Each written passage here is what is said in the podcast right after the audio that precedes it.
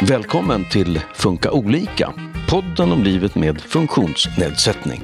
Att dejta kan vara kul, men också krävande. Att förstå och tolka andra är inte lätt för någon, än mindre om du har autism. Men nu finns en datinghandbok för personer med autism. Tillsammans med författarna och en testläsare tar vi reda på om de knäckt kärlekskoden. Välkomna hit Sofia Asplund och Lisa Nordenstam. Tack. Stort tack. Ni är psykologer eh, som i era jobb möter många personer med autism. Och nu är ni också författare till en datinghandbok för personer med autism, Knäck kärlekskoden. Och välkommen också hit Hanna Danmo. Tack. Du jobbar på Autism Sverige och har en egen autismdiagnos. Och du har testläst den här boken och tyckt till om innehållet i den. Ja, inte precis hela, men en stor del av den. Och jag heter Susanne Smedberg. Sofia, varför har ni skrivit den här boken? Ja, men vi såg ju i vårt arbete i eh, psykiatrin, där vi träffar mycket autistiska personer för utredning och, och KBT-behandling, att det här var en fråga som ofta kom upp och där det inte fanns så mycket hjälp att få. Och ingen, ingenstans att vända sig och inget att tipsa om. Och då ville vi fylla den, eh, det glappet, helt enkelt. Vad var det för frågor som kom upp då? Ja, men hur gör man? Eh, var ska man träffa personer? Men sen tänker jag mer generellt också en, en önskan om att vilja ha ett, eh, ett liv där man har en kärleksrelation. Alltså mer på ett eh, generellt plan. Och Hanna, vad tänkte du om en sån här bok när du fick höra talas om det? Jag tänkte att det är bra.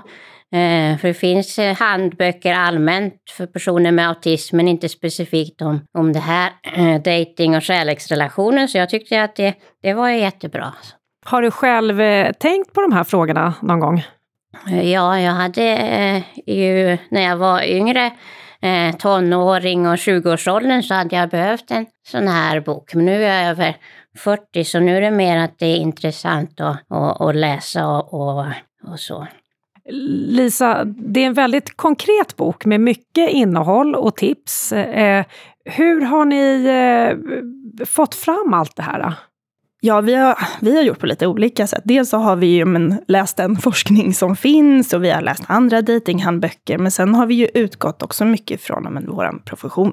Och eh, det vi möter där när vi till exempel gör neuropsykiatriska utredningar och träffar autistiska personer i, i behandling.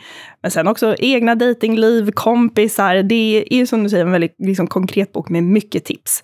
Eh, så vi har försökt att samla in så mycket vi kan. Och sen så har ju testläsarna som Hanna och de andra testläsarna och vi har varit på Autism Sveriges kafékväll och liksom samlat massa information där. Så det har varit en kompott av källor som har byggt den här boken. Vad har man för erfarenhet av dating? Alltså utav de ni har träffat? Eh? Det har varit väldigt olika. Vi har pratat med personer som har haft flera och långa relationer, men också personer som kanske inte alls har varit i världen innan, men är nyfikna och tycker att det är svårt. Ja, och om man tittar på forskning och så, så för det finns ju en del eh, stereotyper och myter om autism, som att man inte skulle vara intresserad av relationer och så. Det, det har man ju sett eh, på gruppnivå.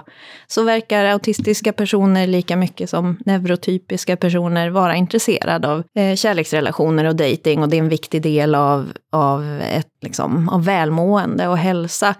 Men att man kan se kanske att eh, autistiska personer beskriver mer oro kring dating och relationer. Va, hur kan den oron se ut då? Ja, men att man oroar sig kring ifall man kommer hitta någon. Eh, när man är i en relation kanske man oroar sig för eh, om det kommer hålla, men också hur man ska hantera olika eh, problem som man kan stöta på, som alla stöter på i en relation.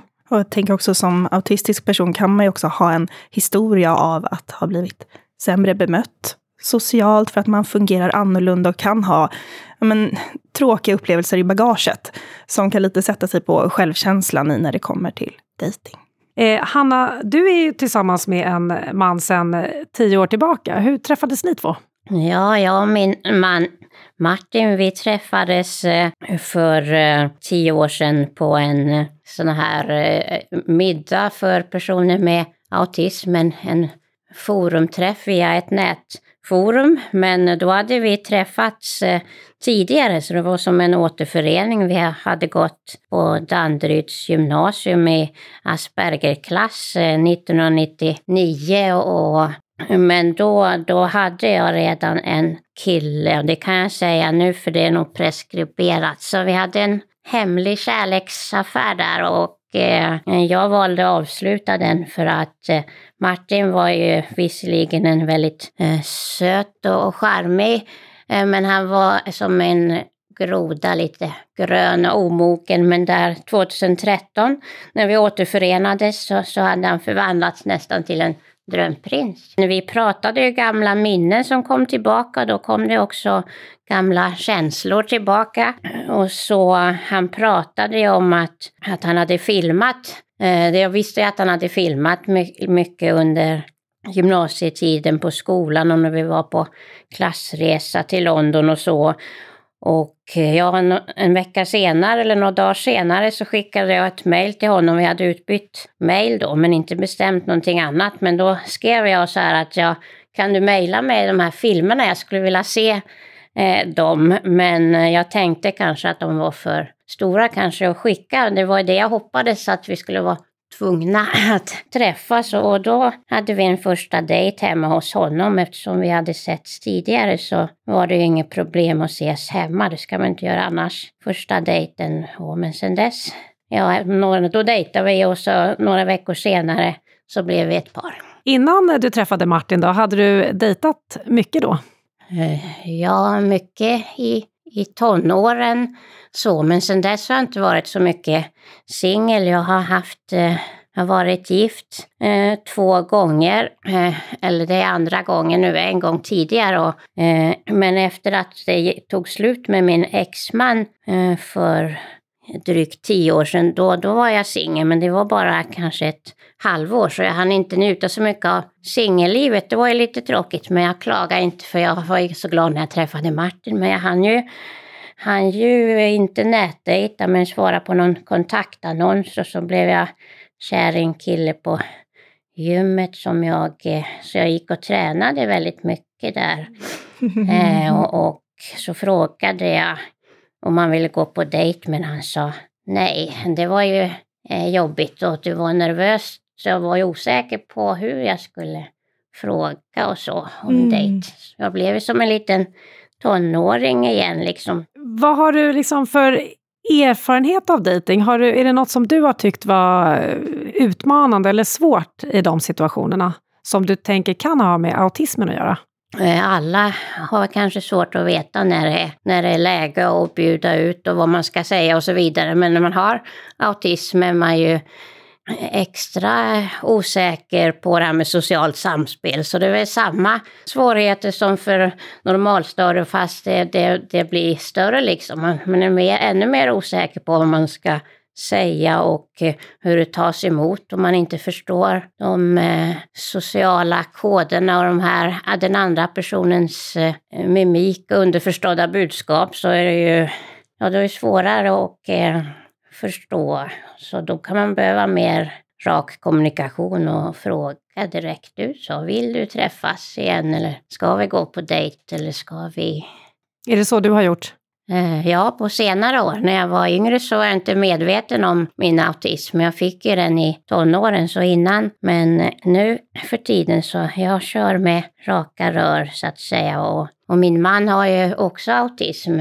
Så det är en fördel att vi förstår varandra på många sätt. Men jag tycker det Hanna säger är liksom så fint och verkligen stämmer det här att det som kan bli liksom jobbigt och klurigt som autistisk person som dejtar, det är ju mycket liknande och samma det som neurotypiska möter. Det är ju liksom oro för det sociala samspelet, att man ska tolka de, liksom, det icke-verbala kommunikationen, de underliggande budskapen. Det är något som alla funderar över. Är man autistisk så kan det vara ännu lite klurigare. Och sen det här med rak kommunikation, som jag tror vi i hela samhället egentligen skulle må bättre av. Mm. Att ha lite mer av, eller hur? Ja, ja. verkligen. Men om man vill träffa någon då, var börjar man? Vi tycker att man ska börja lite med sig själv. Lite. Man tänker att, ja men vad önskar jag mig?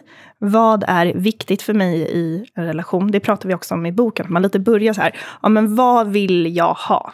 Och sen så kan man ju inte vara, man kan ju inte få exakt det. Det är ju ingen order man beställer när man ska ha en kärleksrelation. Men det är ju viktigt att fundera på, men vad är liksom mina viktigaste punkter? Vad kan jag inte kompromissa med? Så vi tänker att man börjar där. Ja, ja men jag tänker att det här är en jätteviktig punkt, en viktig grund. För att eh, en hälsosam kärleksrelation eh, bidrar ju till god livskvalitet. Men inte vilken kärleksrelation som helst. En relation där du kan må bra, där du kan få värna om dig själv och dina gränser, ta hand om dig själv, där du kan få vara den du är och vill vara. Eh, en relation som får dig att må bra. Så att det handlar inte om att bara vara med någon, utan det handlar ju om att vara med någon som du vill vara med. Och hur vet man det då? Ja, men jag tänker att eh, det kan vara väldigt svårt att veta. Så här, man kan fundera jättemycket, är jag i rätt relation och sådär. Och en sak som är viktig att liksom, känna efter är att verkligen känna hur mår jag? Det finns tecken på att man mår dåligt, som eh, ibland kan vara eh, mer subtila och att det är viktigt att känna efter. Så här, om man går runt och mår lite dåligt hela tiden eller ont i magen eller känner att det är obekvämt och man kanske känner att jag vill inte åka hem till den här personen. Eh, det kan vara sådana små signaler som man får fundera över. Men också när man dejtar, att eh, vara vaksam på signaler på att det här är inte en person för mig, att de går över dina gränser, att de behandlar dig illa, att de försöker få dig att vara mindre autistisk eller få dig att dölja saker, eller att du eh, inte blir introducerad till personens familj eller vänner fast ni har träffats länge, alltså flera månader. Och sådana signaler som kanske pekar på att det här är inte en person som vill vara med mig för mig. Eh, jag tänkte på det där när man, eh, vad som är viktigt för en själv i relationen. För, för mig, förutom att eh, man tycker om varandra och samma humor, så sa jag redan första eh, gången jag och Martin återförenades att mina eh, absoluta krav ju på, på en, en pojkvän, det, det är ju att han eh, inte ska vilja ha, ha barn, för det vill inte jag själv, äh, eh, själv ha, och att han ska tåla mina katter. Om man eh, vill träffa någon, var kan man göra det? Det finns ju flera olika liksom, sammanhang där man kan träffa folk. Jag tänker att det kan vara bra att börja med kanske, okej, okay, hur ser mitt liv ut? Vad liksom, tycker jag om att göra? Vad gör jag redan i min vardag? Finns det någon där som jag skulle kunna vara lite intresserad av? Man kanske har någon typ av föreningsliv man är aktiv i eller i vänskapsrelationer. Finns det någon där som man kanske har ett gott öga till? Tycker skulle vara intressant att lära känna mer. Där har vi lite sammanhang. Sen så finns ju hela, man tänker nätdatingplattformen eller plattformarna som finns, alla appar. Och jag tänker att, eh, som Lisa säger, fundera över de kontaktytor man redan har. Ofta har man en del kontaktytor. Har man något starkt intresse för någonting som man kanske oftast utövar själv, om man är jätteintresserad av historia, så kan man ju läsa mycket om historia och titta på dokumentärer och, och allt sånt där. Men det kanske också finns något eh, sällskap som eh, läser böcker tillsammans och pratar om dem, eller gör teaterföreställningar kring olika historiska händelser, eller vad det än kan vara. Att det finns kanske sociala sätt att utöva det här intresset. Och då får man ju en bonus av att man faktiskt också, oavsett om du skulle träffa någon där eller inte, faktiskt får göra någonting som du tycker om och är intresserad av. Och om man nu har träffat någon som man vill gå på eller ska gå på dejt med, är det något som är bra att tänka på in, innan själva dejten blir av, så att säga? Vi har ju verkligen tänkt det här, tänk självomhändertagande när du dejtar. Tänk självomhändertagande innan, under och efter dejten. Eh, vad kan du göra innan som du mår bra av för att förbereda dig, ta hand om du är nervös? Vad kan du göra under för att anpassa? Var är dejten? Hur länge ska vi träffas? Och så vidare. Och efter, hur återhämtar jag mig? Vad ska jag göra efteråt? Kanske inte boka in ännu mer eh, eh, svåra saker eller eh, stimmiga sociala aktiviteter direkt efter. Utan tänk på hur du tar hand om dig själv. Du nämnde anpassa under dejten. Vad kan det handla om för anpassningar? Till exempel så eh, kan man ju som autistisk person vara mer så sensoriskt känslig, alltså känslig för intryck och så. Eh, fundera över vars dejten är. En sån här klassisk dejtmiljö är ju att gå på en bar, gå på restaurang. Det är ju ganska stimmiga miljöer. Man kanske mår bättre av att få göra, eh, vara utomhus där det inte är lika mycket intryck och starka lampor eller vad det nu är för en själv. Sen kan man ju också tänka eh, om du tycker det är jobbigt med ögonkontakt. Gå på en promenad, då behöver ni inte titta varandra i ögonen, så kan ni prata utan att du behöver tänka på det i början. Också jätteviktigt, gå inte på en promenad i, ute i skogen där det inte finns någon annan med. Lite människor runt omkring är bra. Eh, men tänk på att det inte blir för stimmigt. Hanna, har du några tankar om det här då? Ja, jag brukar ha en liten, en liten katt på nyckelringen som, så jag har någonting liksom att pilla med. Det, då känner jag mig avslappnad. Och man kanske inte ska komma med så här ett stort gosedjur. Det kan få fler, lite för barnsligt intryck, men bara en liten nyckelringskatt eller vad någonting man tycker om att klämma på, det, det tycker jag känns bra det här oförutsägbara då, att det är ju svårt att, att veta hur någonting blir. Hur, hur, har, hur har den situationen varit för dig när det har handlat om dejting? Har du varit med om någon eh, dejt där det har blivit fel och uppstått missförstånd?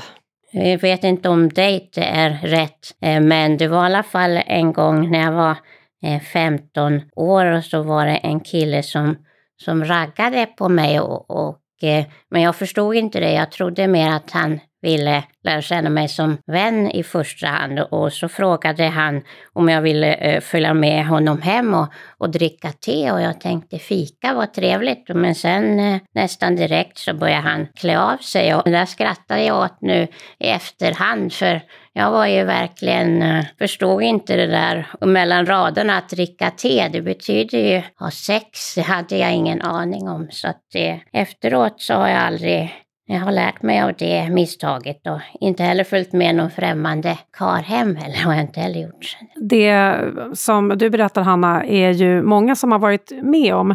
Men är det så att personer med autism ändå lättare hamnar i den här typen av situation? Vad säger du, Sofia? Ja, men jag tänker det här är en jätteviktig eh, poäng när man pratar om dating och autism. För att det man har sett är att speciellt kvinnor eh, med autism och med intellektuell funktionsnedsättning är i större grad utsatta för övergrepp eller att man blir utsatt på något sätt som man inte vill i de här sammanhangen. Och med det sagt inte att man ska bli eh, bortskrämd från att våga dejta och så. Eh, men det är en viktig sak att ha med sig och att det är viktigt att ta hand om sig själv. Och som Hanna säger, jag tänker det är viktigt att ta det säkra före det osäkra och inte till exempel följa med eh, nya personer hem och eh, vara vaksam på att personen respekterar dina gränser och att kanske ge saker lite mer tid. Jag tänker det här med gränser, det kan ju vara svårt eh, att veta om man kan bli osäker i förhållande till andra. Hur, vad borde man göra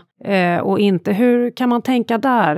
Har ni något tips kring det med gränser för en själv alltså? Ja, men jag tror att eh, vi alla kan känna igen oss i, i det här och att man funderar mycket på vad ens gränser är. Och, och det är ju flytande. Det kanske är en gräns för vad du är bekväm med med en person kanske är, eh, den gränsen kanske är på ett annat ställe med en annan person i olika sammanhang, i olika åldrar. Sen finns det ju generella gränser som lagmässigt, så här, det här får man inte gå över. Ingen får göra någonting mot dig sexuellt som du inte vill, till exempel. Så det, det finns ju generella gränser som inte flyttar på sig. Eh, och, och de kan man ju också ta reda på mer information kring. Vad, vad får man inte göra? Vad får inte personer göra mot dig? Men, men de här personliga gränserna, så tror jag det handlar mycket om att i varje situation stanna upp och fundera, känns det här bra för mig? Ja, och tvärtom också, att man, att man inte gör någonting mot någon annan. Det kan ju vara svårt att veta att man inte får ta i folk. Det kan bli jag menar bara att man kan tänka tvärtom. Ja, jag tänkte faktiskt fråga det också. Hur vet man om man går över någon annans gräns? Det kan ju också vara en svår avvägning. Absolut. Och det är, liksom, det är någonting som när vi har men, pratat med autistiska personer har märkt att det är ju ofta en oro. Att ska jag råka göra någonting liksom utan samtycke eller, eller tolka fel helt enkelt. Också om man har en erfarenhet av att det har, har blivit tokigt i kanske andra sociala sammanhang. Att jag har tolkat en persons liksom, intention och vilja lite, lite fel. Och så går man med en sån rädsla. Speciellt kanske när jag tänker liksom, sexuella möten. Tänk om jag råkar göra något mot någons vilja. Jättemycket oro. Och det vi har tänkt är att man måste hela tiden liksom hålla utkik efter den andras signaler. Och är man tveksam då betyder det att man inte ska köra på. Utan är du tveksam så behöver du liksom stanna, backa och kolla av. Eller vänta på att den andra gör tydligt en tydlig aktion som visar att den vill eller säger någonting. Och det är helt okej att fråga. Får jag göra så här med dig? Ja, jag gillar verkligen det Hanna sa om eh, raka rör. Mm. Att eh, det skulle vi nog alla må bra av i, i dating och i många olika sammanhang. Men även i kontakter där det handlar om romantik och sexualitet och sådär. Alltså man får fråga. Är det okej okay att jag gör så här? Eh, känns det bra för dig? Vill du att vi ska fortsätta? Eh, det är okej okay att be om förtydliganden och vissa kan tycka att så här, men är det eh, romantiskt? Ja, men det är det väl. Om man, eh, alltså samtycke är romantiskt. Om vi går tillbaka till själva dejtandet då. Hur kan man förstå om någon är intresserad? Finns det några tecken att gå på? Ja, det finns ju lite olika saker man kan hålla utkik kring om en person gör. Klassiska sådana här saker, så här, hör personen av sig? Vill den planera in möten, att ni ska ses igen? Följer den upp saker som ni har pratat om? Eh, skämtar ni om saker som ni pratade om på dejten? Alla det där är liksom tecken på att men, den här personen eh, vill fortsätta vår kontakt. Sen vet vi ju inte liksom hur investerad den är och på vilket sätt, men är, ni är fortfarande liksom igång med dejtandet. Och sen på en dejt kan det ju vara också, så här, lägger man någon liten hand försiktigt på någons arm eller lite så kroppsliga signaler finns det ju också. Eh, just det, finns det några tydliga, det finns ju många eh, eh tydliga sådana här check och tipslistor i boken och, och det fanns en som handlade om just det ganska konkret, liksom om man tar någons hand så, så om den andra svarar med, med eh, att eh, forts, eh, liksom, eh, fortsätta smeka handen eller vad det är så är det liksom grönt men, men om den andra drar sig tillbaka eller något så är det rött och lite så tydliga exempel. Har du tyckt att det har varit eh, enkelt att läsa av om någon är intresserad? Generellt så har jag haft eh, lättare för för kärleks än vänskapsrelationer. Nu har jag ju eh, många vänner men som, som tonåring och ung så var det ju svårare och jag kan tänka mig att det är lite, lite enklare med signalerna i kärleksrelationer för då handlar det ju också om inte bara om att man pratar med varandra utan det handlar ju om attraktion och kärlek och att personen eh, försöker pussa en eller ta en i handen. Det är liksom tydligare att veta eh, så jag tror inte jag har haft så mycket problem med det. Jag har varit osäker som ung och nykär såklart, men, men eh, det har gått, gått bra. Kan det också vara svårt att tolka de egna signalerna, alltså om man är intresserad eller kär? Det kan det absolut vara. Dels så kan det vara svårt att ja, men, känna liksom, vad är för känslor? Kanske känna att ja, men det händer någonting. Jag har någon typ av känsla, men vad är det för någonting? Hur ska jag tolka det? Sen kan det också vara att liksom, bilden man har av hur kärlek ska kännas, att den inte ja, men matchar den egna upplevelsen. Eller att det känns på ett annat sätt för en när man är kär jämfört med vad man kanske ser runt omkring sig. Och det finns en föreställning om mm. hur det mm. ska vara. Precis, hur det ska vara, hur det ska kännas. Och den vill ju vi luckra upp lite, att det får vara på lite olika sätt. Men jag tänker precis som vi har sagt flera gånger, så här, att låt det ta lite tid. Att pröva att träffas mer. Märker du att du vill vara mer med den här personen, ja men det är ju ett tecken på att den här är kanske något för dig. Precis, och vi tänker också lite att kärlek pratar man ju ofta som en, om som en känsla. Men egentligen består ju kärlek av ganska mycket olika saker. Att eh, det är tankar, och vad fin den här personen är, att det liksom ploppar upp automatiska tankar i ens huvud, bilder på personen eller om man ser något, så ah, det där skulle den här personen gilla. Känslor, inte bara den här stora generella kärlekskänslan utan glädje, nervositet, irritation.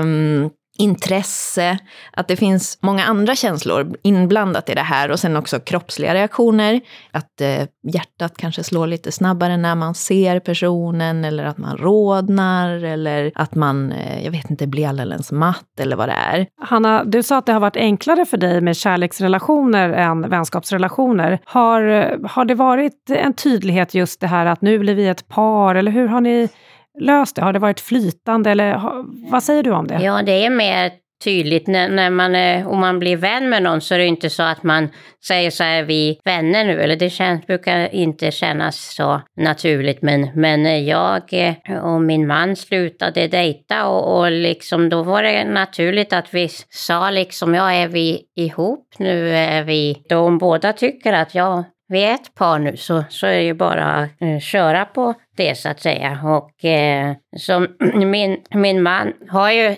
autism, men det är ju en fördel. Men det är inte så att det har varit en eh, förutsättning. För min förra man, han hade inte autism och det var inte därför det tog slut. Det var snarare han kanske blev trött på alla mina tvångsbeteenden och pratade om att han ville skaffa barn och så. Du har dejtat personer både med autism och eh, utan autism, då förstår jag, alltså neurotypiker. Har, har du berättat att du har autism inför en dejt? Eller på en dejt kanske? Ja, oftast. Jag minns faktiskt inte hur det var när jag träffade mitt mitt ex, eh, men jag har ju alltid varit öppen med min, min autism, så att jag, jag var inte så att jag skulle säga det på första dejten kanske, men jag skulle berätta det väldigt tidigt för annars känns, känns det som eh, att jag, jag lever i en lögn så att säga, eller, eller lurar eller ljuger för någon, för det är en så pass stor del av mig, autismen. Så. Ja, jag tänker det Hanna berättar är så himla viktigt, för att eh, som du säger det här med att autismen är en så stor del av en. Att eh, det är fullt förståeligt om man inte vill berätta, men man får också fundera över om jag inte känner mig bekväm att berätta för den här personen för att den kanske inte tar det väl eller så, är det den personen jag vill vara med och kan vara mig själv med resten av livet? Kommer jag må bra då? Så man måste inte berätta någonting, men fundera över varför man inte vill i så fall och vad det innebär. I boken nämner ni ett begrepp som heter maskering. Mm. Vad innebär det? maskering eller liksom kamouflering, om man tänker i, när det gäller neuropsykiatriska funktionsnedsättningar och kanske speciellt autism, så pratar man om att man liksom maskerar sina autistiska drag. Egentligen nästan skådespelar neurotypisk, vilket man forskningsmässigt har sett är liksom kopplat till psykisk ohälsa. Alla människor maskerar till viss del. Det får man också komma ihåg, kanske speciellt när man dejtar. Man drar fram vissa av sina drag, man vill liksom bli accepterad, omtyckt. Det är lätt hänt att man gör det. Det vi pratar om i eh, boken är ju mycket att liksom, sträva efter att maskera så lite som möjligt. I vetskap om att man är mänsklig och ibland kommer det hända. Men för att liksom leva ett autentiskt liv, så här, du får så hög livskvalitet som du kan och trygga, sanna relationer, så vill vi liksom verkligen pusha för att man ska försöka släppa maskeringen så gott det går. Hur gör man det då, om det är något man har gjort under lång tid? Mm, det är jättesvårt. Kan det, vara. det kan ju nästan ibland ske nästan till omedvetet. Man är så van vid att göra det här. Och ibland kan det också vara så att det leder till att man lättare blir accepterad. Eh, så det finns ju vinster i det också, vilket kan göra att det är ännu lättare att man håller fast vid det. För man kan ju fråga sig då, om vi har en massa tips i boken på hur man kan öva på att göra saker eller öva sociala färdigheter eller vad det än är, är inte det maskering då? Ehm, och vi tänker att det är en viktig, en viktig poäng. Och vi tänker att så här, det här med att öva sociala färdigheter och, och bli eh, bättre och tryggare mm, i sådana situationer, det är kanske lite som att eh, om man är autistisk så har man ett modersmål och det är autistiska. Och det är så man pratar och ens kroppsspråk och ens kommunikation är. Och det är inte fel, det är inte dåligt. Eh, men i det neurotypiska samhället så kan man behöva prata neurotypiska ibland för att ta sig fram. Men det är inte samma sak som att man ska låtsas som att man har neurotypiska som modersmål. Eh, så så det är bra att kunna snacka lite neurotypiska ibland. Eh, det kan hjälpa en i olika situationer. Det kan göra att det tar mindre energi i längden i vissa situationer. Men att, att det är okej okay att ens modersmål är autistiska och, och att du kanske ska hitta någon som du får prata autistiska med.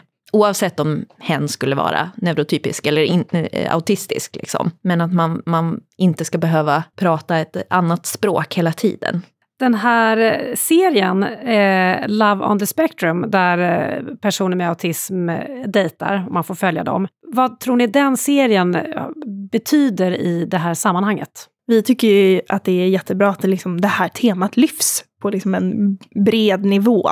Eh, dating och kärlek för eh, alla människor i samhället. Har du sett den eh, serien? Jag har sett den, men det var så länge sedan så jag minns inte så mycket om jag tyckte just eh, den var bra eller inte. Men jag håller ju med om att eh, det är jättebra att det kommer program av och med personer med autism. Så det är bra. Även om inte programmen är jättebra så är det bra att temat kommer fram. Nu har vi pratat en del om eh, svårigheter vid dejting. Kan vi avsluta med några styrkor som eh, är kopplade just till autism när det handlar om relationer och så? Ja men absolut. Jag tänker att det finns många styrkor. Ja, men dels att eh, autistiska personer eh, generellt kanske är lite mindre känsliga för socialt grupptryck. Att man kan stå fast vid sina åsikter eh, utan att eh, eh, hålla på och försöka liksom, känna efter och vad tycker du och vad tycker du. Utan att man är tydlig, att man är rak att man kan kommunicera på det sättet som skulle vara hjälpsamt i många dejtingsammanhang.